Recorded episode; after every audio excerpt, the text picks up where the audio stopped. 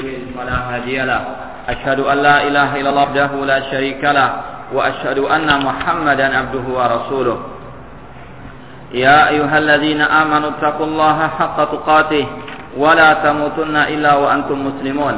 يا أيها الناس اتقوا ربكم الذي خلقكم من نفس واحدة وخلق منها زوجها وبث منهما رجالا كثيرا ونساء واتقوا الله الذي تساءلون به والأرحام.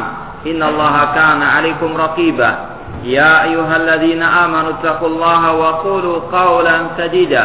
يصلح لكم أعمالكم ويغفر لكم ذنوبكم. ومن يطع الله ورسوله فقد فاز فوزا عظيما. أما بعد فإن أصدق الحديث كتاب الله وخير الهدي هدي محمد صلى الله عليه وسلم. وشر الأمور محدثاتها وكل محدثة بدعة وكل بدعة ضلالة وكل ضلالة في النار Ikhwani fillah rahmani wa rahmakumullah Kita lanjutkan kembali kajian kitab Al-Furqan Baina Awli Ar-Rahman wa Awli Syaitan oleh Syekhul Islam Ibn Taimiyah rahimahullah taala. Pada pertemuan yang lalu al-muallif atau pengarang membahas tentang orang-orang yang mengaku-ngaku sebagai wali-wali Allah sedangkan mereka sebetulnya adalah musuh-musuh Allah Subhanahu wa taala yaitu orang-orang Yahudi, orang-orang An-Nasara. Dan kemudian beliau mengatakan di sini wa kana musyriku Makkatil Arabi yad'una annahum ahlullah. Demikian pula dengan keadaan orang-orang musyrikin eh zaman jahiliyah ketika mereka di kota Mekah mereka mengaku-ngaku sebagai wali-wali Allah Subhanahu wa taala sebagai orang-orang yang dekat kepada Allah Subhanahu wa taala. Lisuknahum makkata. Eh karena mereka tinggal di kota Mekah wa mujawaratihim al-baita. Dan dikarenakan mereka tinggal di dekat Baitullahi Al-Haram. Wa kanu yastakbiruna an ala ghairihim bihi. Mereka merasa sombong. Mereka merasa lebih di atas. Mereka merasa kasta mereka yang lebih ya tinggi dibandingkan yang lainnya. Mereka sombong. Mereka congkak. Mereka merasa lebih dibandingkan yang lainnya. Secara garis keturunan secara eh, kasta mereka lebih daripada yang lainnya. Kama Allah Ta'ala sebagaimana Allah berfirman tentang keadaan mereka orang-orang musyrikin Arab zaman jahiliyah. Qad kanat ayati tutla alaikum fa kuntum ala aqabikum tamkisun. Dan telah dibacakan ayat-ayatku kepada kalian wahai kaum musyrikin Arab jahiliyah di kota Makkah. Fakuntum ala aqabikum tangkisun. Akan tapi kalian berpaling ke belakang. Mustakbiri nabihi. Samiran tahjurun. Kalian sombong terhadap Al-Quran. Dan kalian mengeluarkan ucapan-ucapan yang keji terhadap Al-Quran. Dikalah kalian berbincang-bincang pada malam hari. Surat Al-Mu'minun 66 sampai 67. Ini di antara sifat orang-orang musyrikin zaman jahiliyah, mustakbirin. Mereka sombong. Dikarenakan mereka merasa, mengaku, meyakini diri mereka adalah orang yang paling mulia. Merasa kasta mereka yang paling tinggi daripada manusia yang lainnya. Mereka sombong tidak mau menerima kebenaran yang didatangkan oleh Allah lewat lisan Rasulnya Shallallahu Alaihi Wasallam. Demikian pula Allah Subhanahu Wa Taala berfirman tentang mereka, Innahum kanu idza lahum la ilaha illallah yastakbirun. Sesungguhnya mereka ketika diseru untuk mengucapkan la ilaha illallah, mereka sombong. Merasa mereka lebih tinggi derajatnya dibandingkan manusia. Sebagaimana iblis, lanatullahi alaih. Wa id kunna lil malaikati isjudu li adama fasajadu illa iblis aba wastakbara wa kana minal kafirin. Ingatlah ketika kami mengatakan kepada para malaikat, "Usjudu li sujudlah kalian kepada Adam." semuanya sujud kecuali iblis abawa takbar dia enggan dia congkak dan dia sombong tidak mau menerima kebenaran dianggap dirinya lebih berderajat lebih memiliki kedudukan dibandingkan manusia yang lainnya inilah keadaan iblis. Inilah keadaan orang-orang musyrikin zaman jahiliyah. Berbangga dengan ya kedudukan mereka. Berbangga dengan derajat mereka. Dengan kasta mereka. Dan ini pula yang terjadi pada zaman kita sekarang ini. Kemudian Allah juga berfirman tentang orang-orang musyrikin zaman jahiliyah. Ya, mereka mengaku sebagai wali-wali Allah, sebagai orang yang dekat dengan Allah. Namun mereka sebetulnya adalah musuh-musuh Allah, musuh para rasulnya sallallahu alaihi wasallam. Allah berfirman, "Wa id yamkuru bikal ladina kafaru liyusbituka aw yaqtuluka aw yukhrijuka wa yamkuruna wa yamkurullah wallahu khairul makirin." Dan surat Al-Anfal ayat 30 Allah berfirman, "Dan ingatlah ketika orang-orang kafir membuat makar, membuat tipu daya untuk menangkap dan memenjarakanmu, atau untuk membunuhmu, atau untuk mengeluarkanmu. Wayang kurun, mereka membuat makar, membuat tipu daya, membuat rencana jahat, dan Allah pun membalas tipu daya mereka. Wallahu khairul makirin dan Allah sebaik-baik pembalas tipu daya atau pembuat tipu daya. Kemudian disebutkan sampai ayat yang ke-34 yang saya ya nukilkan di sini nanti tafsirnya dari Syekh Abdurrahman As-Sa'di rahimahullah taala. Terusan ayat itu, ayat yang ke-31 Allah berfirman, "Wa idza tutla 'alaihim ayatuna qalu qad sami'na law law nasha'u laqulna misla hadza." Apabila dibacakan kepada mereka orang-orang kafir Quraisy, orang-orang musyrikin zaman jahiliyah, eh dibacakan kepada mereka ayat-ayat kami, mereka mengatakan, "Kami telah mendengarkan ucapan-ucapan seperti ini." Sombong, Ya, pada mereka adalah orang yang jahil, mereka adalah orang yang bodoh tentang agama Allah. Nah, mereka pura-pura mengetahui agama Allah Subhanahu wa taala. Qad sami'na law. Kalau kami mau, kami akan mengucapkan sebagaimana Al-Quran tersebut dengan sombong. Pada mereka ketika ditantang oleh Allah Subhanahu Wa Taala untuk mendatangkan satu ayat atau satu surat dalam Al-Quran, mereka tidak bisa mendatangkan.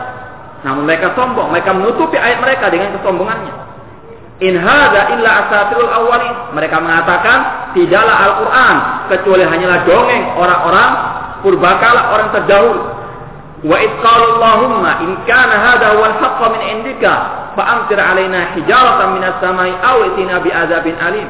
Mereka mengatakan dengan sombongnya, "Ya Allah, ya, jika ini adalah hak Al-Quran, Rasul adalah hak dari dirimu, maka hujanilah ya kami dengan hujan batu dari langit atau datangkan kepada kami azab yang pedih.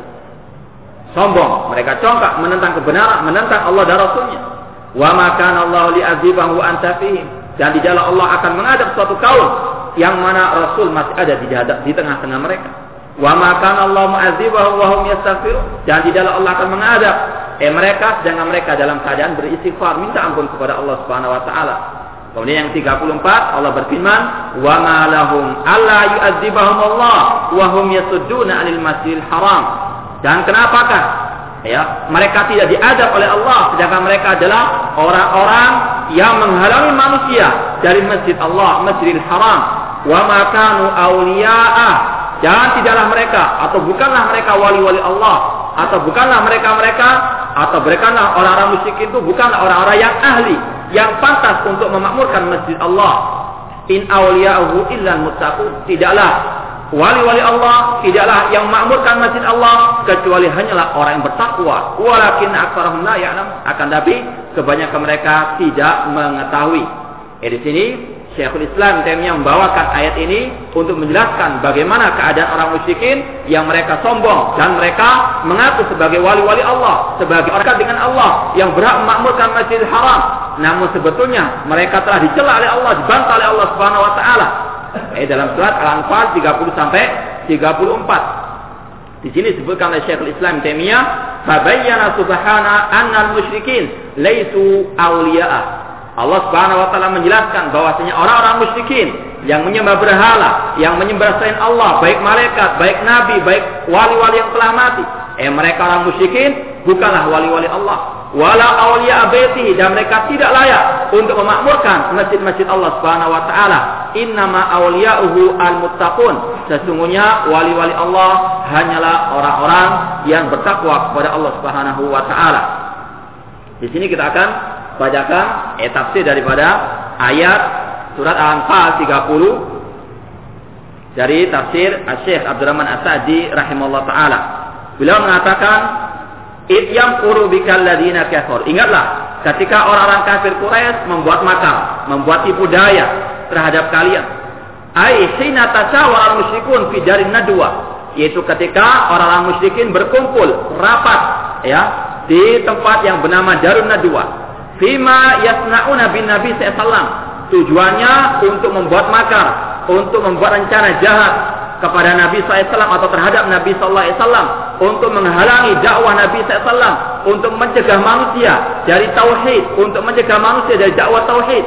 Inilah keadaan orang-orang musyrikin zaman jahiliyah yaitu mereka betul-betul semangat bersungguh-sungguh untuk menghalangi dakwah kepada at-tauhid. Dan itu pula yang terjadi sampai hari kiamat kelak dakwah tauhid terus akan ditentang oleh manusia oleh orang-orang musyrikin atau orang-orang yang mengekor kepada orang-orang musyrikin tersebut. Hina tasawaru hina tasawaru musyrikun fi dainatwa fi ma yasnauna bin nabi sallallahu imma an yusbitu indahum bil habs wa yusiqu ya salah, salah seorang dari mereka atau sebagian mereka mengeluarkan pendapat sebaiknya Nabi SAW ditangkap dan dipenjara dan dibelenggu sehingga tidak bisa berdakwah kepada dakwah atau hid. Ini usulan salah seorang dari mereka. Wa imma an yaqtuluhu fa yastarihu bi min syarrihi. Sebagai mereka mengatakan lebih baik dibunuh saja Nabi SAW agar kita terjauhkan dari kejelekan Nabi SAW. Padahal Nabi tidaklah berdakwah kepada kecuali kepada tauhid saja. Kecuali mengembalikan manusia kepada ubudiyat Allah, menyembahnya kepada Allah, meninggalkan sesembahan sayang Allah Subhanahu wa taala. Wa imma an yukhrijuhu wa yujluhu min diyarihim. Sebagai mereka berpendapat sebaiknya Nabi diusir dari kota Mekah, ya, diusir agar tidak bisa berdakwah kepada tauhid, agar bisa mereka betul-betul menipu manusia dengan leluasa. Fakulun abda min hadir ara ra'yan ra'ahu mereka semuanya mengeluarkan pendapat masing-masing. Tujuannya untuk menghalangi dakwah tauhid. Ya, dakwah tauhid terus ditentang oleh oleh manusia, orang-orang musyrikin dan orang mengikuti orang-orang musyrikin tersebut. Fatafaqa ra'yuhum ala ra'yin ra'ahu syariruhum Abu Jahlin la'anahullah. Dan sepakat mereka setelah itu ya dengan pendapat yang disampaikan oleh Abu Jahal semoga laknat Allah atasnya ya memiliki pendapat yang mereka sepakati. Apa pendapatnya? Wa huwa an ya'khudhu min kulli qabilatin min qabaili Quraisy fatan wa yu'tuhu sayfan sarima. Yaitu setiap pemuda dari setiap kabilah diberikan pedang untuk membunuh Nabi SAW secara berjamaah, secara serentak. Ini adalah pendapatnya Abu Jahal yang disepakati oleh mereka. Liyatafal kedamuhu fil qabail agar eh, darahnya Nabi SAW itu eh, berceceran di semua kabilah. Setiap kabilah memiliki andil dalam pembunuhan terhadap Nabi SAW. Dalangnya siapa? Abu Jahal. Ya, zaman dahulu, zaman musyrikin, zaman jahiliyah itu sudah ada. Ya, para provokator, ya, dalam yang mendalangi semua bentuk fitnah. Eh demikian pula pada zaman sekarang tidak mustahil dan itu pun terjadi. Eh provokator yang bermain ya di belakang manusia-manusia yang jahil yang ditipu oleh mereka liyatafarraqa damuhu fil qaba'il. Ay akad darahnya Nabi sallallahu berceceran di semua kabilah. Fairda banu Hasim sama bidiyatihi. Ya kemudian setelah itu eh Banu Hasim ya kabilahnya Nabi SAW tidak akan mungkin bisa membalas dendam atas pembunuhan tersebut. Maka mereka pun akan menerima ya ya balasan atau sanksi atau denda dari pembunuhan Nabi SAW tersebut. Tidak bisa melawan kabilah-kabilah tersebut. Fala yakdiruna ala muqawamati sa'iri Quraisy mereka tidak sanggup untuk menghadapi semua kabilah-kabilah Quraisy. Fatarassadu lin Nabi sallallahu Maka mereka pun eh para pemuda tersebut eh sebagai eh orang-orang yang diperintahkan eh sebagai wayang-wayangnya. Ya jalannya adalah Abu Jahal dan tokoh-tokoh Quraisy. Ya, maka inilah setiap fitnah yang ada pasti ada jalannya di belakangnya. La'anahullah. Semoga Allah melaknat orang-orang tersebut.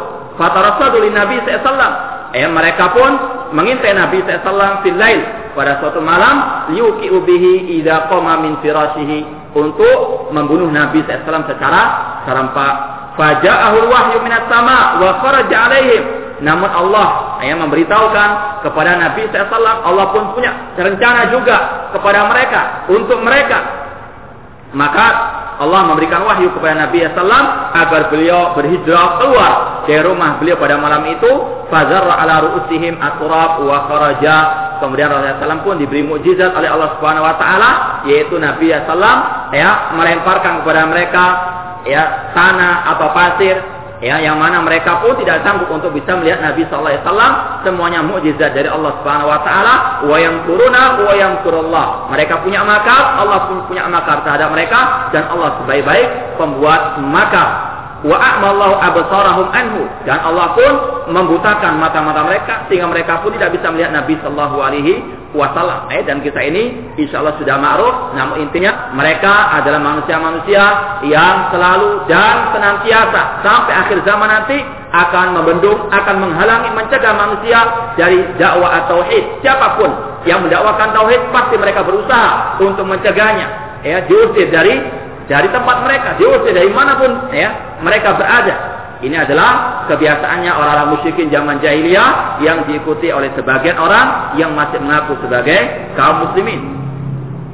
Eh kemudian disebutkan pada ayat yang ke-34 wama uh, wama lahum alla yu'adzibahum Allah wa hum yasudduna 'anil masjidil haram. Ya dan tidaklah mereka ya kenapa mereka diazab oleh Allah dengan mereka itu menghalangi manusia dari jalan Allah dan mereka bukanlah wali-wali Allah Subhanahu wa taala. Tidaklah wali-wali Allah itu kecuali orang-orang yang bertakwa. Ini disebutkan di sini dalam tafsir Syekh Abdul Manasadi ay ayusin yamna'hum min azabillah. Apa yang menghalangi Allah Subhanahu wa taala untuk tidak menurunkan azabnya? Waqad fa'alu ma yujibu dzalik pada mereka telah melakukan hal-hal yang bisa mendatangkan azab Allah wa huwa anil masjidil haram yaitu mereka menghalangi manusia dari masjidil haram khususan saddahum nabi sallallahu wa ashabahu alladzina hum bi minhum yang mana Nabi SAW lebih patut, lebih layak untuk memakmurkan Masjidil Haram tersebut daripada orang-orang musyrikin. Ya, mereka mengaku yang layak memakmurkan masjid yang layak untuk tidak meresahkan masyarakat katanya mereka. Padahal mereka telah difonis oleh Allah sebagai manusia-manusia yang tidak layak untuk memamurkan masjid-masjid Allah Subhanahu wa taala. Allah berfirman dalam surat At-Taubah, "Wa ma kana al-musyrikin wa ma kana al-musyrikin an ya'muru masajid Allah syahidina ala anfusihim bil kufri. Ulaika habitat a'maluhum wa fi narihum khalidun." Tidak sempatasnya, tidak selayaknya orang-orang musyrikin itu memakmurkan masjid Allah sedangkan mereka tahu mereka di atas kekufuran mereka lah yang telah dibatalkan digugurkan semua amal ibadah mereka. Dan mereka kekal di dalam api neraka. Innama ya'mur masajid Allah man amana billahi wal yawmil akhir wa aqama shalah wa ata zakah wa lam yakhsha ila Allah fa asa ulaika ayyakunu minal muhtadin Ya sesungguhnya yang berhak, yang layak memakmurkan masjid-masjid Allah adalah orang yang beriman kepada Allah, yang bertauhid kepada Allah, yang memiliki akidah yang benar, bukan orang-orang musyrikin, bukan orang yang memiliki akidah yang bejat, bukan orang-orang yang memiliki akidah yang rusak, namun orang yang beriman kepada Allah. Dan yang beriman kepada hari akhir dan mereka mendirikan salat, mereka menunaikan zakat dan tidaklah mereka takut kecuali hanya kepada Allah. Mereka lah yang akan mendapatkan petunjuk dari Allah Subhanahu wa taala. Ya, orang-orang musyrikin, mereka adalah orang-orang yang mengaku-ngaku sebagai orang yang berhak memakmurkan masjid, pada mereka adalah orang yang kufur kepada Allah yang tidak selayaknya untuk memakmurkan masjid-masjid Allah Subhanahu wa taala. Yang itu pula yang terjadi pada zaman sekarang. Bagaimana mereka-mereka yang mengekor kepada orang musyrikin, mereka mengusir para dai-dai tauhid ya untuk mereka mengaku sebagai orang yang berhak memakmurkan masjid tersebut. Dan ini kejadian sudah ada pada zaman musyrik zaman jahiliyah, Masjid Haram, masjid yang termulia di atas muka bumi ini mereka aku sebagai eh, masjidnya mereka.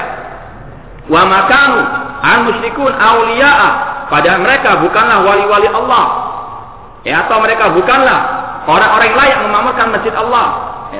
In awliya'u illal muttaqun. Tidaklah wali-wali Allah, tidaklah yang berhak memamerkan masjid Allah kecuali orang yang bertakwa kepada Allah, yang mentaati perintah Allah, yang bertauhid kepada Allah, menjauhi larangan Allah, menjauhi syirik kepada Allah Subhanahu wa taala, yang betul-betul beribadah di atas sunnahnya Rasul sallallahu alaihi wasallam. Itu yang berhak memakmurkan masjid-masjid Allah, bukan al musyrik, bukan orang-orang syirik atau bukan orang musyrikin, bukan al bidah, namun orang yang sunnah yang betul-betul tahu iman dan takwa kepada Allah Subhanahu wa taala. Wahumul ladina amanu billah wa rasuli. Eh tidaklah wali-wali Allah, tidaklah yang mengamalkan masjid Allah kecuali mereka-mereka yang beriman kepada Allah dan Rasulnya. Wa afradullah bit tauhid, mengesahkan Allah dengan tauhid, wa ibadah dan beribadah kepada Allah semata. Wa akhlasul din, menyerahkan semua agama ini hanya kepada Allah. Walakin aktsarahum la ya'lamun. Akan tapi mereka orang-orang musyrikin kebanyakannya tidak mengetahui eh hal-hal seperti ini Faidzalika idda'u li anfusihim amran ghairahum aula bihi. Mereka mengaku lebih layak memakmurkan masjid padahal yang selain mereka yaitu Nabi dan para sahabat yang beriman dan bertakwa kepada Allah lebih layak untuk memakmurkan Masjid Al-Haram. Ini adalah keadaan orang-orang musyrikin pada zaman jahiliyah yang mengaku-ngaku sebagai wali-wali Allah atau yang mengaku bisa memakmurkan masjid Allah pada mereka adalah orang-orang yang sangat jauh daripada memakmurkan masjid Allah Subhanahu wa taala. Di sini Allah membantah pengakuan mereka, pengakuan yang tidak ada buktinya sama sekali. Oleh karena itulah sering kita sampaikan alal mudai al bayinah. Bagi orang yang menuduh, ya, bagi orang yang mengaku, tunjukkan buktinya. Sebagaimana sudah kita jelaskan orang-orang Yahudi, orang Nasara mengaku sebagai orang yang dicintai Allah, sebagai anak-anak Allah, kekasih-kekasih Allah. Namun Allah pun bantah mereka, "Qul hatu burhanakum in kuntum shadiqin." Tunjukkan bukti kalian kalau kalian memang dicintai oleh Allah Subhanahu wa taala. Kemudian wasabata fi sahihain disebutkan dalam Sahih Bukhari dan Muslim an Amr bin As radhiyallahu anhu qala sami'tu Rasulullah sallallahu alaihi wasallam yaqulu jiharan min ghairi sirrin Nabi SAW pernah berkata dengan terang-terangan tanpa ada yang disembunyikan. Rasul mengatakan, Inna ala fulanin laisuli bi awliya. Sesungguhnya keluarga fulan itu bukan wali-waliku, bukan kerabatku, yakni ta'ifatan min aqaribihi. Artinya bukan kelompok dari kerabatnya Nabi sallallahu alaihi wasallam. Nama waliyallah wa salihul mu'minin. Sesungguhnya waliku adalah Allah dan orang-orang yang soleh dari orang-orang yang beriman. Ini adalah nas. Ini adalah pernyataan Nabi Shallallahu Alaihi Wasallam. Nabi SAW tidak mengakui orang-orang musyrikin, orang-orang yang soleh, orang yang berbuat maksiat, orang yang berbuat kebid'ahan sebagai kerabat beliau yang berhak menyandang sebagai walinya Nabi SAW yang dekat dengan Nabi SAW adalah orang-orang yang beriman dan yang beramal as-saleh Nabi SAW mengatakan, Innama waliyallahu wa salihul mu'minin. Sesungguhnya waliku adalah Allah dan orang-orang soleh dari orang-orang yang beriman. Nabi SAW tidak mengakui ya orang-orang yang mungkin masih tali kekerabatan dengan Nabi SAW, cari darah dengan Nabi SAW. Namun kalau mereka bukan orang yang beriman, mereka bukan orang yang mengikuti jejak Rasul SAW, Rasul tidak mengakui kekerabatan dengan dengan mereka. Nabi mengakui kekerabatan, kedekatan dengan orang-orang yang beriman dan yang beramal as-saleh. Karena inilah Islam. Islam bukan seperti agama Hindu atau agama-agama musyrikin yang lebih mengandalkan ya derajat keturunan atau kasta atau kabilah dan sebagainya.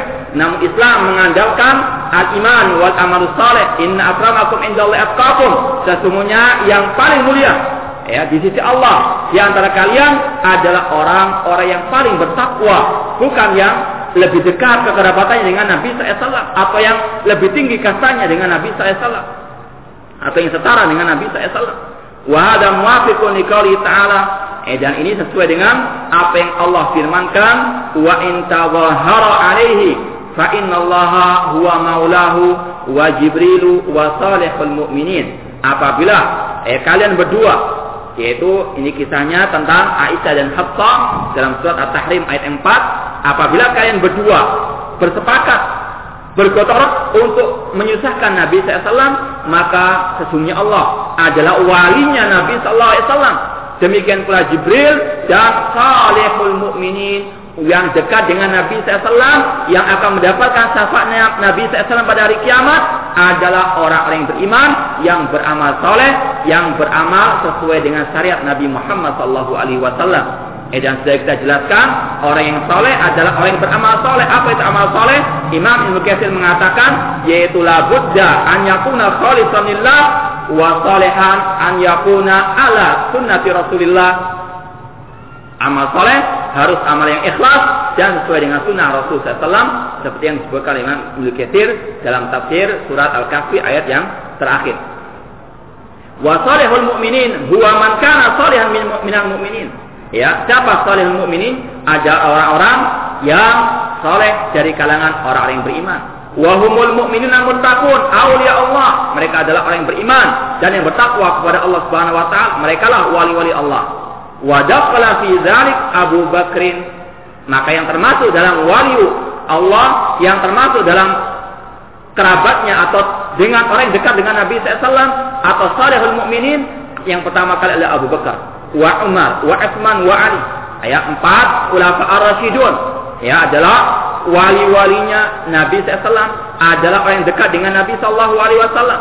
Wasairu ahli bait ridwan dan semua yang mengikuti baiatul ridwan alladzina bay'u tahta syajarah yang membaiat Rasul SAW eh di bawah pohon eh, di bawah pohon wa kanu alfan wa arba'mi'atin jumlah mereka pada waktu membayar Rasulullah SAW ada 1400 orang. Mereka lah para sahabat, mereka adalah wali-wali Allah dan mereka lah orang-orang yang dekat dengan Rasul Sallallahu Alaihi Wasallam wa fil jannah. Dan mereka semuanya dijanjikan masuk ke dalam surga Allah Subhanahu wa taala. Karena apa? Karena iman dan takwa mereka. Meskipun mereka sebagiannya bukan ya kerabat Nabi SAW tidak ada kekerabatan dengan Nabi SAW namun karena mereka adalah salehul mukminin orang yang beriman dan bertakwa kepada Allah maka Nabi pun menjamin surga ya untuk mereka. Sebagaimana kama sabadat sahih sebagaimana yang telah sahih dari ya hadis Nabi SAW eh dalam saya eh, dalam saya eh, Bukhari sini juga disebutkan. Nabi SAW bersabda atau dalam riwayat Imam Ahmad dan hadisnya sahih atau riwayat Muslim. Riwayat Muslim Nabi SAW bersabda la yadkhulun nara ahadun mimman bai'ata atas syajarati. Eh tidak akan masuk api neraka seorang pun yang ikut membaiat Nabi SAW di bawah sebuah pohon yaitu Baitul Ar-Ridwan. Di sini Nabi SAW menjamin mereka dengan jaminan surga. Oleh karena itulah kita tidak bisa mengatakan si fulan masuk surga kecuali ada dalilnya. Kita mengatakan para pengikut Baitul Ridwan masuk surga karena Nabi SAW menjamin ya dengan wahyu dari Allah Subhanahu wa taala. Adapun yang tidak ada nas dalil secara person-personnya, individu-individunya, maka diharamkan kita untuk mengatakan si fulan masuk surga atau si fulan masuk neraka kecuali dengan dalil yang jelas dari Al-Qur'an dan sunnah Rasul Shallallahu alaihi wasallam. Eh dan di sini eh para sahabat membaiat Rasul Shallallahu alaihi wasallam karena beliau sebagai rasul dan sebagai imam mereka. Eh dan di sini sudah pernah kita jelaskan bahwasanya baiat tidak berlaku kecuali kepada al-khulafa, kepada para pemimpin kaum muslimin, bukan kepada pemimpin kelompok-kelompok sempalan Islam, ya. Maka hadis-hadis yang mereka bawakan eh tentang masalah bayat barang siapa yang tidak memiliki bayat eh di lehernya maka dia kalau mati mati dalam keadaan jahiliyah ini hadis yang mereka salah menempatkan. Ini hadis untuk para pemimpin kaum muslimin. Dalam sejarah tidak ada para sahabat yang membayat ya Abu Bakar sebelum dijadikannya beliau sebagai khalifah ya setelah jadi khalifah baru dibayat sebelum jadi sebelum jadi khalifah tidak dibayat oleh para sahabat Rasulullah SAW. Artinya yang diberhak dibayat adalah pemimpin muslimin, ada khalifah, ya, bukan pemimpin-pemimpin jamaah-jamaah, ayat kaum muslimin. Wa mithlu hadzal hadis al-akhar inna awliya Allah al-muttaquna aina kanu wa haitsu kanu. Dalam, dalam riwayat Imam Ahmad disebutkan sesungguhnya wali-wali Allah adalah orang-orang yang bertakwa. Ya, contohnya orang bertakwa yang sudah kita jelaskan melaksanakan kewajiban, meninggalkan larangan, menjalankan yang mustahab dan meninggalkan yang makruh. Ya. Kalau ada orang misalnya mengatakan, ya, rokok itu makruh misalnya saja, ya, kemudian terus ya melaksanakan yang makruh tersebut, maka jelas dia bukan wali-wali Allah. Ya, meskipun mengaku sebagai wali Allah Subhanahu wa taala, sudah jelas dia mengatakan ini makruh namun dia lakukan. Kalau misalnya itu hukumnya makruh menurut mereka. Namun yang rojek pendapat ulama adalah yang mengatakan bahwa hal tersebut adalah diharamkan oleh Allah Subhanahu wa taala dan rasulnya. Kama anna minal kufar man yaddai annahu waliullah. Ya, orang Yahudi, orang Nasara, orang musyrikin, mereka semua mengaku sebagai wali-wali Allah. Namun pengakuan mereka dibantah oleh Allah Subhanahu wa taala. Eh pengakuan tinggal pengakuan. Eh sebagaimana sekarang banyak orang mengaku sebagai ahlu sunnah, eh sebagai orang yang mengikuti Rasul SAW, sebagai yang cinta kepada Rasul SAW, maka tidak bisa langsung kita terima sebelum kita tahu buktinya apa. Ya, kalau memang dia cinta kepada Allah dan Rasulnya, ada buktinya, yaitu kul in kuntum tuhibbun Allah, fattabi'uni yuhibbukum Allah. Kalau kalian cinta kepada Allah, ikutilah aku kata Rasul SAW mengikuti akidahnya Rasul, mengikuti ibadahnya Rasul, mengikuti dakwanya Rasul, mengikuti jihadnya Rasul, mengikuti akhlaknya Rasul. Eh bukan malah menentang Rasul SAW, bukan malah menentang orang-orang yang menghidupkan sunnah Rasul SAW. Sebagaimana juga orang-orang kafir ada yang mengaku sebagai wali-wali Allah, yang mengaku mudah, ya, mengaku sangat mudah, namun bagaimana membuktikannya? Walaysa waliyanillah pada mereka secara asal bukan wali Allah bal aduwan lahu. Bahkan orang kafir adalah musuh Allah Subhanahu wa taala. Wa kadzalika minal munafiqin. Alladzina yudhiruna al-islam. Demikian pula orang munafik. Ya. Semua orang kafir orang musyrik orang munafik mengaku eh sebagai wali-wali Allah. Mereka menampakkan Islam orang-orang munafik yukiruna fi dhahir bi syahadati alla ilaha wa anna muhammadar rasulullah. Mereka mengaku-mengaku mereka juga bersyahadat asyhadu alla ilaha wa anna muhammadar rasulullah wa anna mursalun ila jamil insi. Orang munafik yakin atau orang munafik mengaku bahwasanya Nabi SAW diutus kepada manusia semuanya. Bal ila sakolain al insi wal jin. Bahkan diutus kepada manusia dan jin semuanya. Wa ya'taqiduna fil batin ma yunaqidu dzalik akan tapi mereka meyakini dalam batinnya mereka apa yang bertentangan dengan lisan mereka. Maka berhati-hati dengan orang-orang munafik yang seperti ini. Berbahaya. Ya nampaknya Ya, zahiru ar-rahmah, zahirnya itu rahmat, kasih sayang, tersenyum, namun batinnya penuh dengan permusuhan. Maka wajib untuk kita berhati-hati ya dengan orang-orang yang memiliki dua wajahin, dua wajah, ya.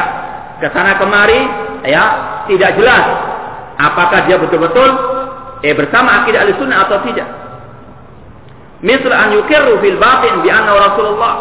Ya, mereka mengatakan ya sebagaimana Allah berfirman dalam surat Al-Munafiqun Idza ja'aka al-munafiquna qalu nashhadu innaka la rasulullah wallahu ya'lamu innaka la rasul wallahu yashhadu innal munafiqina lakadzibun apabila datang kepadamu wahai Nabi Muhammad orang-orang munafikun mereka mengatakan nashhadu innaka la rasulullah. Mereka mudah mengatakan kami bersaksi engkau adalah utusan Allah. Wallahu ya'lam innaka la rasul. Allah tahu bahwasanya engkau adalah rasulnya dan Allah menyaksikan mereka orang munafikin adalah para pendusta. Ya maka berhati-hati orang munafikin bukan pada zaman Nabi saja namun sampai hari kiamat akan ada orang-orang munafikin orang-orang yang ya menggunting dalam lipatan orang-orang yang betul-betul eh menusuk dari belakang. Wa inna makana malikan muta'an. Eh, mereka secara dohirnya mengakui Rasul sebagai putusan Allah namun dalam batinnya mereka mengatakan Rasul hanya sekedar ya pemimpin yang ditaati oleh manusia oleh rakyatnya. Eh bukan sebagai seorang Rasul. Sasan nasa bira'ihi. Eh bahkan mereka menuju Rasul SAW eh memimpin manusia dengan akalnya semata Padahal Allah berfirman, "Wa ma yantiqu 'anil hawa in huwa illa wahyu yuha." Tidaklah Rasul berkata dari hawa nafsunya, namun itu adalah wahyu dari Allah Subhanahu wa taala. Min jinsi min jinsi ghairi minal muluk. Ya, mereka secara batinnya mengatakan Rasul tidak ada bedanya dengan raja-raja yang ada. Ini kata-kata orang munafikin dalam batinnya mereka. Au yaqulu inna Rasulullah ilal ummiyin duna anil kitab ataupun ada yang mengatakan bahwasanya Nabi Muhammad SAW adalah utusan Allah kepada orang yang buta huruf, orang-orang Arab jahiliyah, bukan kepada ahli kitab. Kama yaquluhu katsirun minal yahudi wa nasara, sebagaimana yang dikatakan oleh orang Yahudi ataupun orang-orang An-Nasara. Au annahu yaqul mursalun ila amatil khalqi wa anna lillahi awliya'a khassatan. Dan bahwasanya Rasul eh sebagian orang ya ahli bidah atau orang yang musyrikin atau orang yang di dalam hatinya ada penyakit mengatakan bahwasanya Rasul itu secara lahirnya diutus kepada amatul khalqi, kebanyakan manusia. Akan tapi Allah memiliki wali-wali yang khusus ya, yang memiliki syariat yang khusus, yang berlainan dengan syariat Nabi Muhammad sallallahu alaihi wasallam, lam yursal ilaihim, yang mana Nabi SAW tidak diutus kepada mereka. Ini adalah syubhat, ini adalah kebatilan, ini adalah kekufuran. Sebagian orang-orang yang mungkin masih mengaku sebagai kaum muslimin, yang mengaku sebagai wali-wali Allah Subhanahu wa taala. ya mereka berkedok sebagai wali Allah untuk menipu manusia dengan mereka membuat halal baut dalam agama Allah, membuat kebid'ahan dalam akidah, dalam ibadah. Kalau mereka ditanya, mereka mengatakan bahwa mereka memiliki syariat tersendiri, tidak ada sangkut pautnya dengan syariat Nabi Muhammad sallallahu alaihi wasallam. Wala yahtajuna ilai. Mereka mengatakan kami tidak butuh dengan syariat Nabi Muhammad SAW. Kita punya syariat sendiri. Balahum tarikun ilallah min ghairi. Bahkan mereka mengatakan, ya kami memiliki jalan langsung kepada Allah tanpa melalui perantara Nabi Shallallahu Alaihi Wasallam. Mereka mengatakan, hajjatani qalbi ar-rabbi. Hatiku menceritakan dari waktu langsung jalan tol tanpa mengikuti apa jalannya Nabi Shallallahu Alaihi Wasallam. Tujuannya untuk menipu manusia agar manusia tidak tahu tidak tahu kalau mereka berbuat kebid'ah karena mereka mengaku Nabi SAW tidak diutus kepada mereka. Padahal sama ada pada hak ila. Tidak ada setelah kebenaran kecuali kebatilan. Al-haqqu mirabbik. Kebenaran dari Rabbku yaitu yang dibawa oleh Nabi SAW. Selain jalannya Nabi SAW harus diyakini adalah jalan kebatilan. Ya, sebagaimana sudah kita jelaskan, umat Islam terpecah menjadi 73 golongan, semuanya sesat kecuali satu, yaitu yang mengikuti Rasul dan para sahabat. Jalan menuju surga hanyalah satu yaitu jalannya Rasul Shallallahu Alaihi Wasallam. Ya, semua orang meskipun mengaku memiliki jalan yang menentang jalannya Nabi Sallam, kita yakini itu jalan-jalan setan itu adalah jalan-jalan kebatilan. Ya, sebagaimana yang telah dijelaskan oleh seorang sahabat Rasul Sallam Abdullah bin Mas'ud radhiyallahu anhu. Rasul menggariskan suatu garis yang lurus. Khattalana Sallam khattan biadi. Rasul pernah menggaris suatu garis yang lurus satu garis. Kemudian Rasul mengatakan hada sabilullah. Inilah jalan Allah yang lurus. Kemudian Rasul menggaris garis yang banyak sekali. Kemudian Rasul mengatakan hadhihi subul. Ini adalah jalan-jalan yang banyak. Ala kulli sabilin minna syaitan yadu ilaiha. Jangan tidak ada. Ya, tidaklah garis-garis yang banyak itu kecuali ada setan-setan yang menyuruh manusia untuk masuk ke dalam jalan-jalan yang banyak tersebut. Jalan kebenaran hanya satu, jalan menuju surga hanyalah satu, yaitu jalannya Rasul Shallallahu Alaihi Wasallam. Nah masih aja orang-orang yang sampai sekarang ya mengaku eh, memiliki jalan yang tersendiri, jalan tol yang langsung sampai kepada surga Allah. Mereka mengaku sebagai ya juru kuntinya surga. Ya, kalau nggak masuk surga harus melewati mereka. Naudzubillah min dzalik. Karena Khidir ma'a Musa, mereka yang sering diotak yaitu kisah Khidir dengan dengan Nabi Musa. Bahwanya Nabi Khidir dalam surat Al-Kahfi itu bisa keluar dari syariat Nabi Musa alaihissalam. Ya, kata mereka demikian pula dengan wali. Kalau Khidir saja boleh keluar daripada syariat Musa pada waktu itu, demikian pula wali itu boleh keluar daripada syariat Nabi Muhammad SAW. Kalau Khidir punya syariat tersendiri, Musa punya syariat tersendiri, maka demikian pula dengan Nabi dengan para wali. Ya, wali punya syariat sendiri, Nabi Muhammad punya syariat tersendiri, maka tidak perlu untuk mengikuti Nabi SAW. Tidak ada istilah bid'ah kata mereka, karena wali itu punya hak untuk mensyariatkan. Ya, maka ini jelas kekufurannya. Oleh karena itulah para ulama eh, ketika menulis tentang nawaqidul Islam al-asra, pembatal-pembatal Islam yang ya yang 10, mereka menyebutkan di antaranya yaitu keyakinan sebagian orang bahwasanya ada yang bisa keluar daripada syariat Nabi Muhammad SAW sebagaimana Khidir keluar daripada syariat Nabi Musa alaihissalam. Yang pertama dibantah oleh para ulama ya tentang masalah keyakinan mereka ini dengan berdalil kisah Khidir dan Musa bahwasanya yang pertama berbeda. Tidak bisa dikiaskan antara kejadian Nabi Khidir dengan Musa dengan Nabi Muhammad Sallallahu Alaihi Wasallam. Yang pertama, bahwasanya Nabi Musa diutus hanya kepada Bani Israel, sedangkan Nabi Muhammad SAW diutus kepada semua manusia dan kepada semua jin. Tidak ada yang bisa keluar daripada syariat Nabi Muhammad SAW. Allah berfirman, "Qul ya ayuhan nasu, rasulullah ilaikum jami'an." Katakan wahai Nabi Muhammad kepada manusia, wahai manusia, sesungguhnya aku adalah utusan Allah kepada semua kalian, kepada semua manusia. Tidak ada bisa keluar daripada syariat Nabi Muhammad sallallahu alaihi wasallam. Wa ma arsalnaka illa rahmatan lil alamin. Tidaklah kami mengutus engkau kecuali rahmat kepada semua alam semesta, kepada semua manusia. Adapun Nabi Musa hanya diutus kepada Bani Israel, tidak diutus untuk Khidir.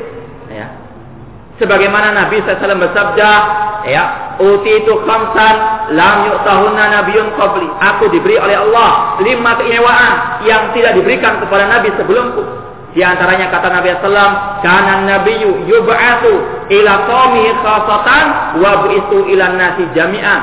Ya manusia atau seorang nabi sebelumku itu diutus kepada kaumnya secara khusus Nabi Musa diutus secara khusus kepada Bani Israel. Maka boleh bagi Khidir untuk tidak mengikuti saya Nabi Musa alaihissalam. Adapun aku kata Nabi SAW diutus kepada semua manusia. Maka tidak ada yang bisa, tidak ada yang boleh keluar daripada syariat Nabi Muhammad SAW. Bahkan kata Nabi SAW, ya, ketika melihat Umar bin Khattab membawa ya lembaran-lembaran Taurat, Nabi pun marah, merah mukanya seraya mengatakan laukana Musa hayyan lama wasi'ani illa itibai. Seandainya Nabi Musa sekarang hidup pada zamanku ini, maka tidaklah dia boleh kecuali mengikuti diriku kata Nabi SAW. Ya, apalagi Khidir juga.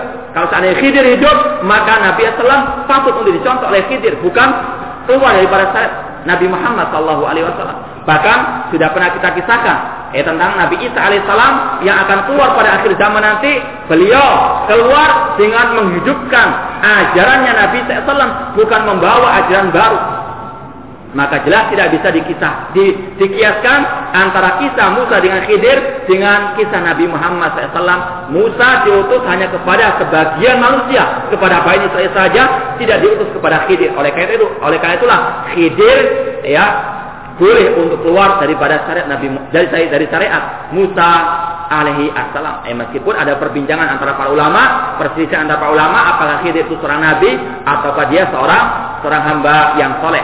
Adapun Syekh Muhammad bin Sa'id dan sebagian ulama yang lainnya berpendapat dia adalah seorang hamba Allah yang soleh. Namun ini adalah perselisihan ahli sunnah yang tidak perlu dibesar-besarkan. Namun intinya meskipun Khidir seandainya sekarang masih hidup, namun ini tidaklah mungkin karena tidak akan mungkin ada manusia yang kekal abadi. Khidir telah meninggal dunia. Seandainya Khidir hidup, pasti dia akan ikut perang dengan Nabi Shallallahu Alaihi Wasallam, mengikut ya perang bersama Nabi SAW di perang orang Badar dan sebagainya, akan membayar Rasul SAW. Eh, namun ketika tidak ada riwayat sama sekali tentang kisah Khidir pada zaman Nabi SAW ini menunjukkan kata para ulama Khidir telah meninggal dunia. Ya maka tidak perlu untuk seorang muslim mengatakan dia hidup kemudian ya dicari ke mana tempatnya. Ya intinya bahwasanya tidak boleh seorang pun keluar daripada syariat Nabi Muhammad Wasallam. Eh kemudian kalau toh ada orang yang mengatakan dirinya seperti Khidir ya kalau Khidir Allah kisahkan dalam Al-Quran. Ada dalilnya. Bisa keluar daripada Nabi Muhammad SAW Bahkan Khidir mengatakan ketika telah melakukan perbuatan-perbuatan yang kelihatannya menyimpang dari syariat Nabi Muhammad atau Nabi Musa alaihissalam, maka Khidir mengatakan wa ma fa'altuhu an amri. Aku melakukan ini bukan dari hawa nafsuku bukan dari akalku bukan dari diriku namun dari wahyu Allah dari perintah Allah ya. Intinya kalau Khidir melakukan perbuatan itu ada petunjuk dari Allah Subhanahu wa taala. Kalau wali-wali Allah yang mengaku sebagai wali-wali Allah misalnya membuat halal baru yang tidak ada dasarnya dari Muhammad SAW atau dari Al-Qur'an, maka bagaimana bisa dikiaskan antara Nabi Khidir dengan dengan mereka?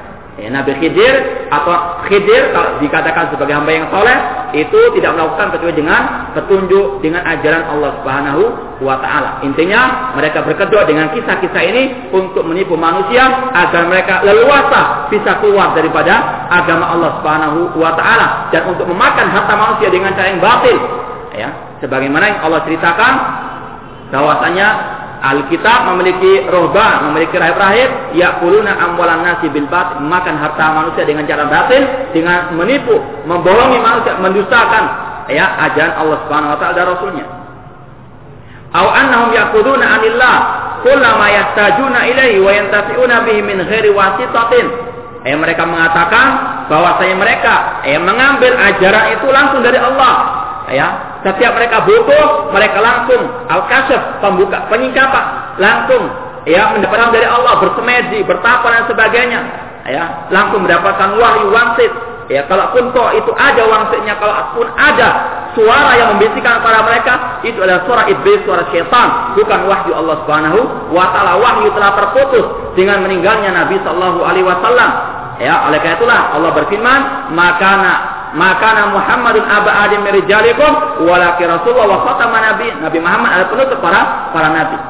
Dan pengakuan orang itu memiliki wahyu dari Allah setelah meninggalnya Nabi SAW meskipun mereka berketua sebagai wali Allah ini lebih kejam, lebih berbahaya daripada kelompok Ahmadiyah yang mengaku sebagai ya Nabi setelah Nabi Muhammad SAW. Kalau muslimin paham, kalau ada orang yang mengaku sebagai nabi baru, mereka serentak langsung ya memeranginya namun kalau ada yang mengaku sebagai wali Allah, mendapatkan wangsit, mendapatkan wahyu, ini ya celah. Ini adalah permanen cantik mereka membujuk manusia, membohongi manusia yang mereka tanpa sadar telah dibohongi oleh ya musuh-musuh Allah Subhanahu wa taala tersebut. Eh maka hati-hati.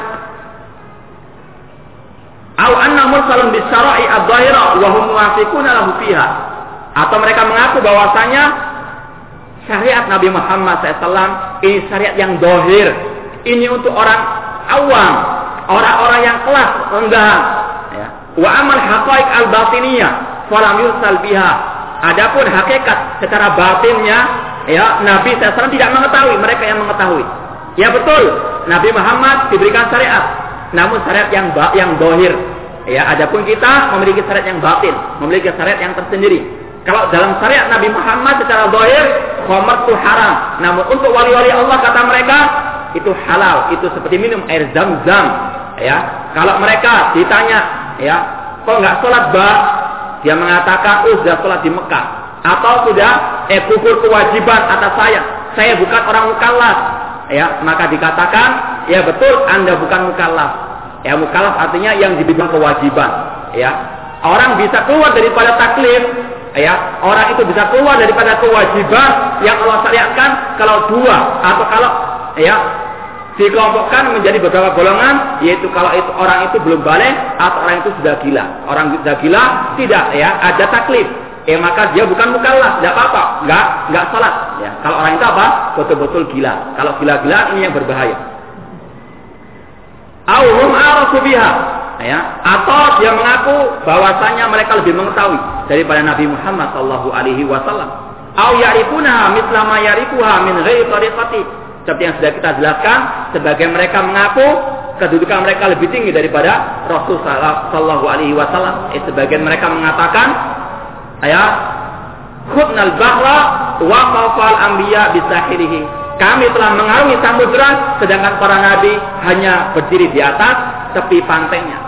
Ini adalah keyakinan sebagai manusia yang masih ya bergentayangan di atas muka bumi ini di tengah-tengah kaum muslimin untuk menipu kaum muslimin dengan kedok sebagai wali-wali Allah Subhanahu wa taala.